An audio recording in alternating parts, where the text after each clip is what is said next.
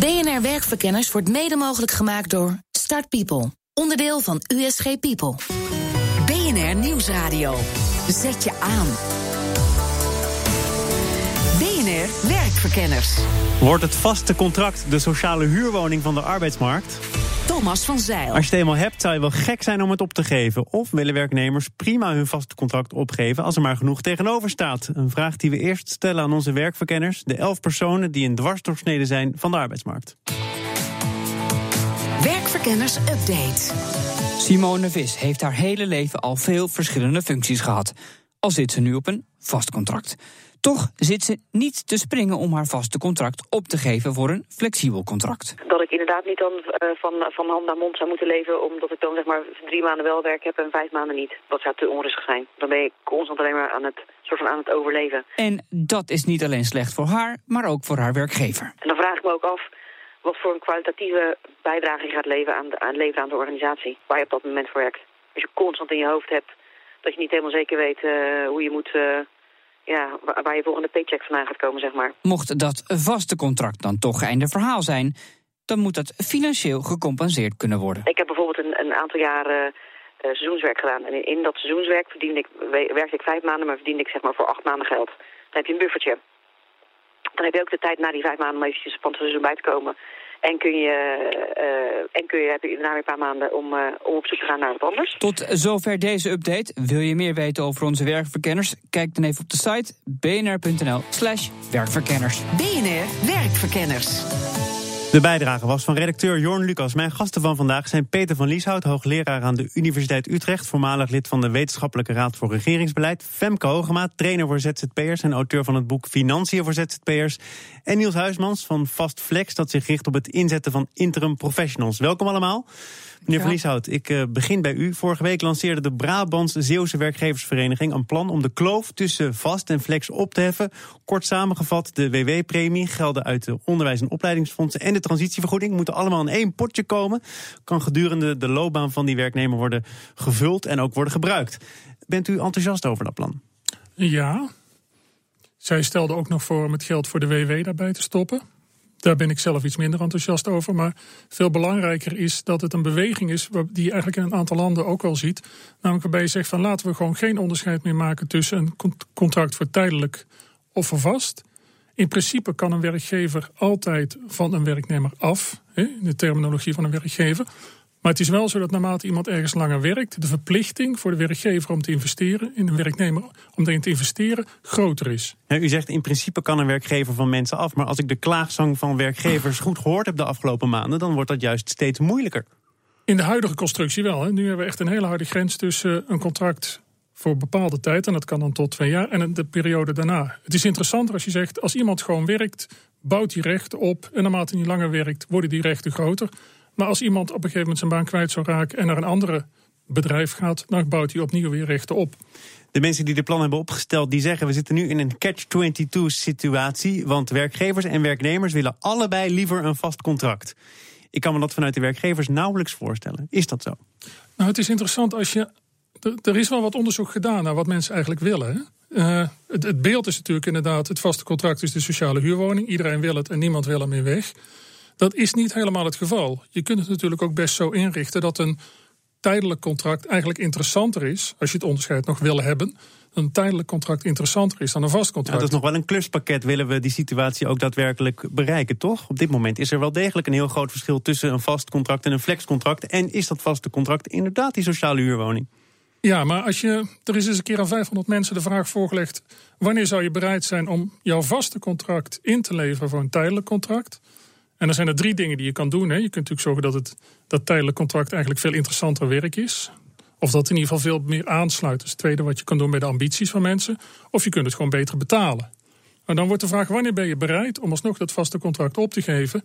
En je ziet dan dat als bijvoorbeeld het echt interessanter werk is en beter past bij de carrière van iemand, dat van de tien mensen zeggen er twee: oké, dan stap ik onmiddellijk over. En zes van de tien zeggen, daar ga ik heel serieus over denken. Er zijn maar twee van de tien die zeggen, Dat wil ik niet. U wordt hier omringd door mensen die gespecialiseerd zijn in ZZP'ers enerzijds en interim uh, opdrachtnemers anderzijds. Uh, Niels Huismans, wanneer wordt het voor die mensen met een interim opdracht, wanneer wordt het interessant om te zeggen uh, dat vaste contract hoeft voor ons inderdaad niet? En uit onderzoek van Vastelijk blijkt sowieso dat de contractvorm eigenlijk ondergeschikt is aan de, aan de uitdaging van de opdracht. Dus dat sluit ik aan wat de spreker eerder al aangaf. Als de, ja, als de, uitdaging, de uitdaging interessant is en de opdracht is interessant, dan ja, dan komt de contractvorm uh, komt daarna pas.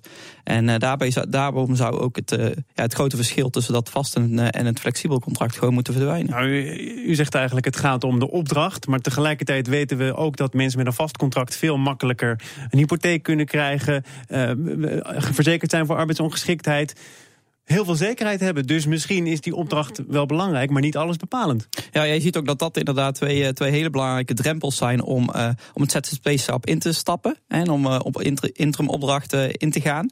En uh, die drempels, die moeten we wegnemen. Ja. Dat plan dat eerder is gelanceerd door die Brabantse Zeeuwse werkgevers. Daarvan zeiden ze zelf, nou, we hebben inderdaad een mooi plan hier opgesteld over de invoering. En de uitvoering daarvan hebben we nog niet zo nagedacht. Meneer Van Lieshout, zit er ook een probleem? Dat het gewoon praktisch niet haalbaar is op dit moment? Ik denk dat het op termijn praktisch wel haalbaar is. Nadeel is wel dat je natuurlijk, als je kijkt hoe veranderingen in Nederland in zo'n sociaal zekerheidsstelsel tot stand komen, dan gebeurt dat bijna altijd door een soort compromis te bereiken en te zeggen van oké, voor de nieuwe situaties gaan we naar een nieuw model, maar de oude mensen mogen in het oude regime blijven zitten. Maar van u komt de uitspraak: we hebben de afgelopen tien jaar veel te weinig gedaan. Het is tijd voor een inhaalslag. Dus kortom, we hebben die arbeidsmarkt veel te lang met rust gelaten. Is ook zo. Je kunt zelfs zeggen dat de afgelopen 15 jaar eigenlijk heel weinig interessante innovaties tot stand gebracht zijn. Waar je ziet dat dat in de jaren 90 wel het geval was. En waar je ziet dat in het buitenland die beweging wel gemaakt wordt. Geeft u eens antwoord op de vraag waarom we in Nederland dan zo hebben stilgezeten? Nou, de positieve tekst is omdat we het in de jaren 90 zo goed gedaan hebben. Toen zijn wij heel veel veranderingen gaan doorvoeren in Duitsland niet. Dat leidde tot grote problemen in Duitsland. Die zijn noodgedwongen daarmee hè, in de afgelopen tien jaar allerlei veranderingen door gaan voeren. En wij zijn wat achterover gaan leunen. We zaten in een te luxe positie om uh, onderhoud te verrichten. Ja. Dan nu de inhaalslag die gemaakt zou moeten worden. Waar bestaat die uit? Nou, begin maar eens met het opheffen van het onderscheid van vast en flexibel. Oh, dan zullen we daar eens mee beginnen. Dat hebben we zo gepiept, toch? nee, dat is heel erg ingewikkeld. Nou, minder dan het misschien lijkt. Want we hebben nu een wat beetje gemankeerd systeem van een transitievergoeding, zou je kunnen zeggen. Je kunt natuurlijk best zeggen van oké, daar gaan we wat meer mee door. Iedereen die werkt, bouwt recht op. Een werkgever is verplicht als iemand ontslagen, als iemand stopt met werken, een uitkering te doen. Behalve als die werkgever kan laten zien dat hij heel veel in mensen geïnvesteerd heeft. Dan mag je het bedrag wat hij daarin gestoken heeft aftrekken van het bedrag wat hij nog moet uitkeren. En naarmate iemand langer werkt, wordt dat bedrag vanzelf altijd hoger. Ja, maar u zegt nu, daar moeten we eens over na gaan denken. Maar dit is nou juist een maatregel die pas acht maanden van kracht is. Nee, we hebben nu nog een systeem waarbij er een grens op twee jaar zit. We hebben nu nog geen systeem waarbij er geen onderscheid meer is tussen vast en flexibel. En je kunt het ook, het bericht wat vorige week in het FD verscheen, is in die zin ook wel een interessant teken van de tijd. Namelijk dat werkgevers zelf zeggen van oké, wij willen de dialoog aangaan met de vakbond. Die toch de laatste jaren een beetje de hakken in het zand gezet heeft. En wij willen zoeken naar een nieuwe structuur. Nou, dat, dat moet je als uitgestoken hand, denk ik, oppakken. En vervolgens de vraag stellen: hoe kunnen we het dan zo inrichten dat dat een vorm van redelijkheid heeft. Maar hebben die vakbonden en die werkgevers dan hetzelfde belang? Want die werkgevers die ik net noemde, die willen dus heel graag een vast contract aanbieden, als ik ze moet geloven. Dat willen vakbonden neem ik aan ook wel. Ondertussen weten we vanzelf dat die vaste contracten eigenlijk nauwelijks meer voorhanden zijn. Nou, wat, wat, wat mensen vooral willen is een vorm van zekerheid. Wat je ook ziet, als je tegen mensen zegt van luister, ben je bereid naar een, vast, naar een tijdelijk contract over te stappen als het niet alleen inhoudelijk interessanter is, maar we ook nog een vorm van garantie bouwen, inbouwen dat kan een overheid doen, dat je een vorm van inkomenszekerheid hebt, dan zijn er plotseling heel veel meer mensen bereid om alsnog die stap te zetten. Dus daar heb je een arrangement voor te maken.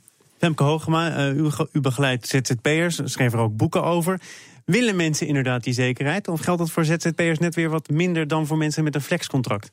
Nou, ik denk dat er een heel groot onderscheid is tussen mensen, ondernemende ZZP'ers, die zeggen: Ja, ik ga inderdaad voor mijn missie en ik, ik ben niet zo gesteld op die zekerheid. Het gaat er juist om dat ik zelf iets neerzet en dat ik het heft in eigen handen neem. Maar ik geloof dat er zeker een hele grote groep is waarvoor die stap nog veel te groot is. Die stap om te zeggen: ik neem het heft in eigen handen. En hoe komt het dat die stap zo groot is? Nou, ik, ik denk ook dat we, dat we als werknemers een beetje verwend zijn. Want dat woord zekerheid is eigenlijk heel curieus. Dat we dat nog steeds voelen als zekerheid om heel eerlijk te zijn, voel ik mezelf veel zekerder als ondernemer, omdat ik weet dat ik altijd nieuwe klanten kan vinden. Dus ik vind die zekerheid als werknemer eigenlijk een beetje. Maar misschien behoort u dan wel tot de bovenlaag van ZZP'ers die zo goed gepositioneerd zijn dat ze altijd wel nieuwe klanten hebben. Ja, nou, en ik denk ook dat dat een lastig is. Ik denk dat er een hele grote groep is die prima dat zelf kan regelen. En dat het, het knelpunt ligt juist bij die groep uh, voor wie het veel lastiger is. Voor wie dat ondernemend zijn veel, veel verder van je bedshow is. Meneer Van Lieshout, minister Ascher zegt het niet met zoveel woorden... maar ik heb het idee dat hij toch nog wel vasthoudt aan dat vaste contract... dat hij het belangrijk vindt. Is dat een achterhoedegevecht? Dit soort veranderingen duren 10 tot 15 jaar. En wat je meestal ziet, is dat je eerst een opbouw krijgt van heel veel problemen. En dan op een gegeven moment ontstaat er een soort sense of urgency van ja, dit kan niet langer. Nu moeten we echt wat anders gaan Dus doen. En in Nederland zijn we bezig. worden. In Nederland zijn we bezig, zou je kunnen zeggen, met het opbouwen van frustratie en irritatie. En dat gaat nog een tijdje door. En je hebt het ook bij het debat van wat moeten we nou met pensioenen doen. Bijvoorbeeld voor ZZP'ers. Ook dat zal nog even doorgaan. En dan krijg je vervolgens een fase van ja, met elkaar weten we ook. Want vaak zie je dat dan toch wel een soort nieuwe gemeenschappelijkheid ontstaat. Dat een arbeidsmarkt die iets beter, zeg maar, iets flexibel, beter nieuwe situaties kan accommoderen aan de ene kant. En een wereld die vormen van zekerheid aan de andere kant biedt. Dat, dat we met elkaar daar toch vormen van moeten gaan vinden. En dan gaat het plotseling heel snel. Maar kort antwoord nog, we zitten nu nog in de fase van irritatie. Opbouw, ja. Sense of urgency is nog niet voldoende aanwezig. Kan er best een paar jaar duren. Werkverkenners Update. Die hebben we al gehad, maar blijf zeker luisteren, want... Maandag FD, dinsdag werk ik uh, aan een stuk voor de Groene. Uh, woensdag uh, doe ik wat commerciële klussen. De schoorsteen moet tenslotte ook roken. donderdag ga ik met mijn kind op stap. En vrijdag weer bij het FD bijvoorbeeld. Klinkt heerlijk, maar de vaste werknemer wil niet met hem ruilen. Zometeen meer. BNR Nieuwsradio. Zet je aan. BNR Werkverkenners. Vrijheid versus zekerheid, afwisseling versus vakantiegeld. De freelancer en de vaste medewerker stellen andere prioriteiten en willen maar één ding niet: met elkaar ruilen. Verslaggever Elfanie Toulaar zocht uit waarom niet. Mijn naam is Jeroen de Horen. Ik ben freelance journalist voor het Financiële Dagblad en de Groene Amsterdammer, onder andere. Ik ben ZZP'er sinds ruim een jaar. Uh, ik ben Hans de Jong, ik ben eindredacteur bij het Financiële Dagblad. Ik ben in vaste dienst, doe dit al 14 jaar en heb daarvoor drie jaar gefreelanced. Als het gaat om de ideale arbeidsrelatie, zijn deze twee journalisten het absoluut met elkaar oneens. De voordelen zijn dat het uh, flexibel is, het is afwisselend. Ik doe niet elke dag hetzelfde, sterker nog, uh, soms doe ik uh, elke dag in de week iets anders. Maandag FD, dinsdag werk ik aan een stuk voor de Groene. Woensdag doe ik wat commerciële klussen. De schoorsteen moet tenslotte ook roken. donderdag ga ik met mijn kind op stap. En vrijdag weer bij het FD bijvoorbeeld. Klinkt aanlokkelijk. Toch zou Hans de Jong nooit met hem willen ruilen. Nee, ik moet er niet aan denken. Ik heb het drie jaar gedaan. Ik vond niks uh, vanwege de onzekerheid. Nu heb ik wel zekerheid. Ik hoef me om uh, weinig dingen druk te maken. Dat varieert van het loon. Maar ook uh, tot computers. Toen ik freelancer was, had ik eens een keer een kapotte computer. Duurde het, ik weet niet hoe lang, voordat die gemaakt was. Ik woonde in Italië. Dat maakte het er ook niet makkelijker op. Nu heb ik een computer die niet werkt. En ik bel naar de helpdesk. En binnen een uur, binnen tien minuten is alles geregeld. Dat vind ik wel fijn. Ja, Jeroen Hoorn, die onzekerheid is natuurlijk wel een puntje. Eigenlijk niet. Tot nu toe uh, gaat dat uh, boven verwachting goed. Uh, het is natuurlijk, je hebt geen zekerheid dat het zo blijft. Maar ik heb aan de lijve ondervonden dat dat in vaste dienst niet anders is. Want het bedrijf waar ik werkte werd van de een op de andere dag vrijwel opgeheven. En dan ben je ook je baan kwijt je inkomen. Ja. Dus je zou het uh, anno 2016 misschien wel moeten omdraaien. Dat als je freelancer bent met verschillende opdrachtgevers... dat je dan in feite meer zekerheid hebt over je toekomstige inkomen... dan als uh, journalist in vaste dienst. Tenzij je ziek wordt natuurlijk. Als ik uh, ernstig ziek word of anderszins uh, tegenspoed ga ervaren, dan, dan heb ik een probleem. Dat is waar. Je hebt geen arbeidsongeschiktheidsverzekering? Er wordt aan gewerkt. Ja. Nou ja, dat is dus een van de bijkomende voordelen van een baan, uh, vaste baan. Ja, ik kan er weinig meer aan toevoegen. Ik prijs me gelukkig. Ik prijs me ook gelukkig. Mooie verspreking, de voordelen van een baan. U hoorde journalisten Hans de Jong en Jeroen Hoorn... in een bijdrage van verslaggever Elfanie Toulaar. Bij mij te gast zijn Peter van Lieshout, hoogleraar aan de Universiteit Utrecht... voormalig lid van de Wetenschappelijke Raad voor Regeringsbeleid... Femke Hogema, trainer voor ZZP'ers... Uh, en Niels Huismans van Fastflex richt zich op het inzetten van interim professionals. Uh, Niels Huismans, om bij u te beginnen. Wat zijn voor mensen de belangrijkste redenen om te gaan freelancen? Uh, uit onderzoek blijkt dat uh, ja, de flexibiliteit, de vrijheid, dat dat hele belangrijke drijfveren zijn. Het zelf, uh, het zelf kunnen bepalen tussen ja, werk-privé-balans, ook wat we hoorden in een stukje van, van de FD-collega's. De ene dag dat je ook ruimte kunt maken voor, voor je privéleven. Dat zijn hele belangrijke drijfveren. Ja, dan, dan heb je het niet druk als je heel erg veel ruimte kunt maken voor je privéleven. Dus dat geeft ook meteen weer aan onzekerheid. Nou, maar dat betekent ook dat je wellicht s'avonds meer uren maakt. Dat je in het weekend uh, je uren maakt bijvoorbeeld.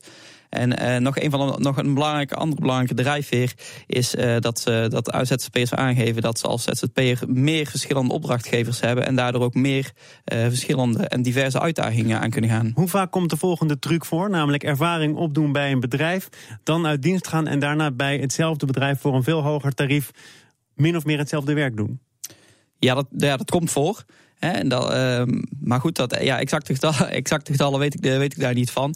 Maar, uh, maar de meeste ZZP'ers, en dat is ook een belangrijk verschil, die een bewuste keuze voor het ZZP-schap maken, die, um, ja, dat, dat zijn de echte ZZP'ers en die zullen, ook, uh, die zullen ook overblijven.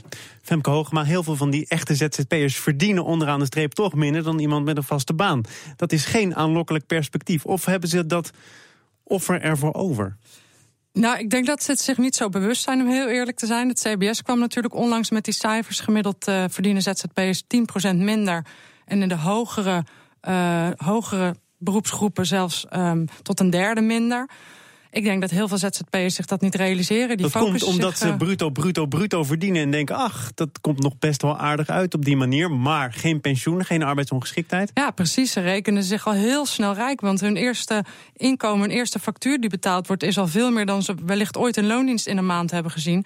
Maar ze realiseren zich niet dat ze inderdaad uh, eigenlijk zelf een arbeidsongeschiktheidsverzekering moeten betalen. Dat doet het gros niet. En pensioen. Maar ook dat je met een bedrijf ook wel echt kosten hebt. En dat zien ze dat ook ze allemaal uw boek moeten lezen. Tuurlijk moeten ze het boek dat, lezen, uh, ja. Dat ja. begrijp ik. Nee, maar het, gaat, het gaat nog wel veel verder dan dat. Want wat ze zich ook vaak niet realiseren... is inderdaad dat je zelf moet sparen voor uh, je WW. Dus als je op de bank komt te zitten, moet je dat ook zelf sparen. En dat realiseren ze zich maar niet. Voor een ZZP-coach heeft u nu toch behoorlijk wat argumenten aangedragen... om er vooral niet aan te beginnen. Nou, het argument wat ik hopelijk vooral aandraag... is om wel goed na te, na te denken over de cijfers. Hoeveel goedkoper is een ZZP'er uiteindelijk voor een werkgever? Uh, ik denk, weet niet zozeer of een ZZP'er per se goedkoper is, maar in ieder geval uh, neemt, brengt het veel minder risico met zich mee. Want A, je kunt er van de een op de andere dag afscheid van nemen. Uh, ja, dat is eigenlijk het belangrijkste. Ja. Meneer Van Lieshout, het is al genoemd. Pensioenen, die verzekering voor arbeidsongeschiktheid... is op dit moment voor heel veel ZZP'ers nog een enorme hoorde... waar ze niet, over uit, uh, waar ze niet overheen komen. Of ze willen het bewust niet. Hoe kan het hele stelsel kost allemaal jaren, heb ik van u begrepen. Hoe kan dat toch een beetje worden aangepast op een manier... zodat ook die ZZP'ers van dat soort basisvoorwaarden gebruik kunnen maken? Waar je naartoe gaat, en dat zal tijd kosten, dat zal stapsgewijs gaan... is een model waarbij je zegt, de overheid regelt eigenlijk voor iedereen... een basisverzekering voor een aantal omstandigheden. Dat heeft te maken met arbeidsongeschiktheid, uh, met, met, met tijdelijke ziekte. Dat voorstel is al gedaan, hè, volgens mij door het CDA? Uh, die, gaan al, die, die zie je in die richting bewegen. Uh, je ziet bijvoorbeeld, hè, Zweden is al een mooi voorbeeld daar gezegd, is van we willen niet meer dat de mate waarin mensen scholing volgen afhankelijk is van of een werkgever daar nou toevallig bereid is geld voor over te hebben of niet. Nee, we maken een soort landelijk scholingsfonds. Iedereen, of je nou ZZP'er is, arbeidsongeschikt, werkloos of gewoon werkt, u noemt kan allemaal, recht op doen. U noemt allemaal landen in Europa die dus kennelijk al beter voor elkaar hebben dan wij hier in Nederland. Dat verbaast me toch een beetje. Ja, dan kom ik een beetje terug bij het punt wat we straks ook bespraken. Nederland heeft de afgelopen 15 jaar niet zoveel geïnnoveerd op dit gebied. Um, een land als Zweden, maar je ziet zelfs in België en zelfs in Italië bewegingen waarbij ook de, de, de, redenering is van wij gaan als overheid voor iedereen een, een wat breder vangnet maken voor allerlei situaties. En dan doet het er niet meer toe wat voor soort arbeidscontract mensen hebben. En wij hier in Nederland moeten dus nog even geduld hebben. Ik dank mijn gasten Peter van Lieshout, hoogleraar aan de Universiteit van Utrecht, voormalig lid van de Wetenschappelijke Raad voor het Regeringsbeleid, Femke Hogema, trainer voor ZZP'ers en auteur voor dat boek. Noem dat nog even. Financiën, financiën voor ZZP'ers. En Niels Huismans van Fastflex richt zich op het inzetten van interim professionals. Deze uitzending zit er bijna op, maar u krijgt van ons natuurlijk eerst nog de wekelijkse arbeidstips. Vandaag, hoe ga ik om met een domme baas? Werktips. Tip nummer 1. Zorg dat zijn of haar domheid in jouw voordeel werkt. Organisatiepsycholoog Aukje Nauta. Dat doe je door hem vooral te complimenteren voor wat hij wel goed doet. Want dan vertrouwt hij jou en daardoor kan je helemaal je eigen gang gaan in je werk. Tip nummer 2. Erger je er vooral niet aan, maar maak er gebruik van. Teamcoach Rosemarijn Dols. Zorg dat je hem of haar overeind houdt. Dat je hem helpt, waardoor je je eigen invloed vergroot. Tip nummer 3. Op korte termijn geef hem het gevoel dat hij slim is. Dat is in ieder geval goed voor de sfeer. Loopbaancoach Milja Valentijn. Op lange termijn zou ik me afvragen waarom is hij of zij de baas en jij niet. Wat doet diegene goed wat jij niet goed doet? Terwijl die nog zo dom is. Dus kijk weer eens even heel goed in de spiegel en vraag je af waarom jij daar niet zit. Een beetje ZZP'er heeft überhaupt geen baas natuurlijk. Tips verzameld door verslaggever Higo Krant zijn terug te vinden op onze site. Tot zover deze uitzending van Werkverkenners. Volgende week zijn we er weer. Check ons tot die tijd op werkverkenners.nl. Kunt u zich abonneren op de nieuwsbrief. Deze uitzending terugluisteren, dat kan op bnr.nl slash werkverkenners. Bedankt voor het luisteren en werk ze. Terugluisteren? Ook dit programma vind je terug in de BNR-app. BNR Werkverkenners wordt mede mogelijk gemaakt door Uniek. Onderdeel van USG People.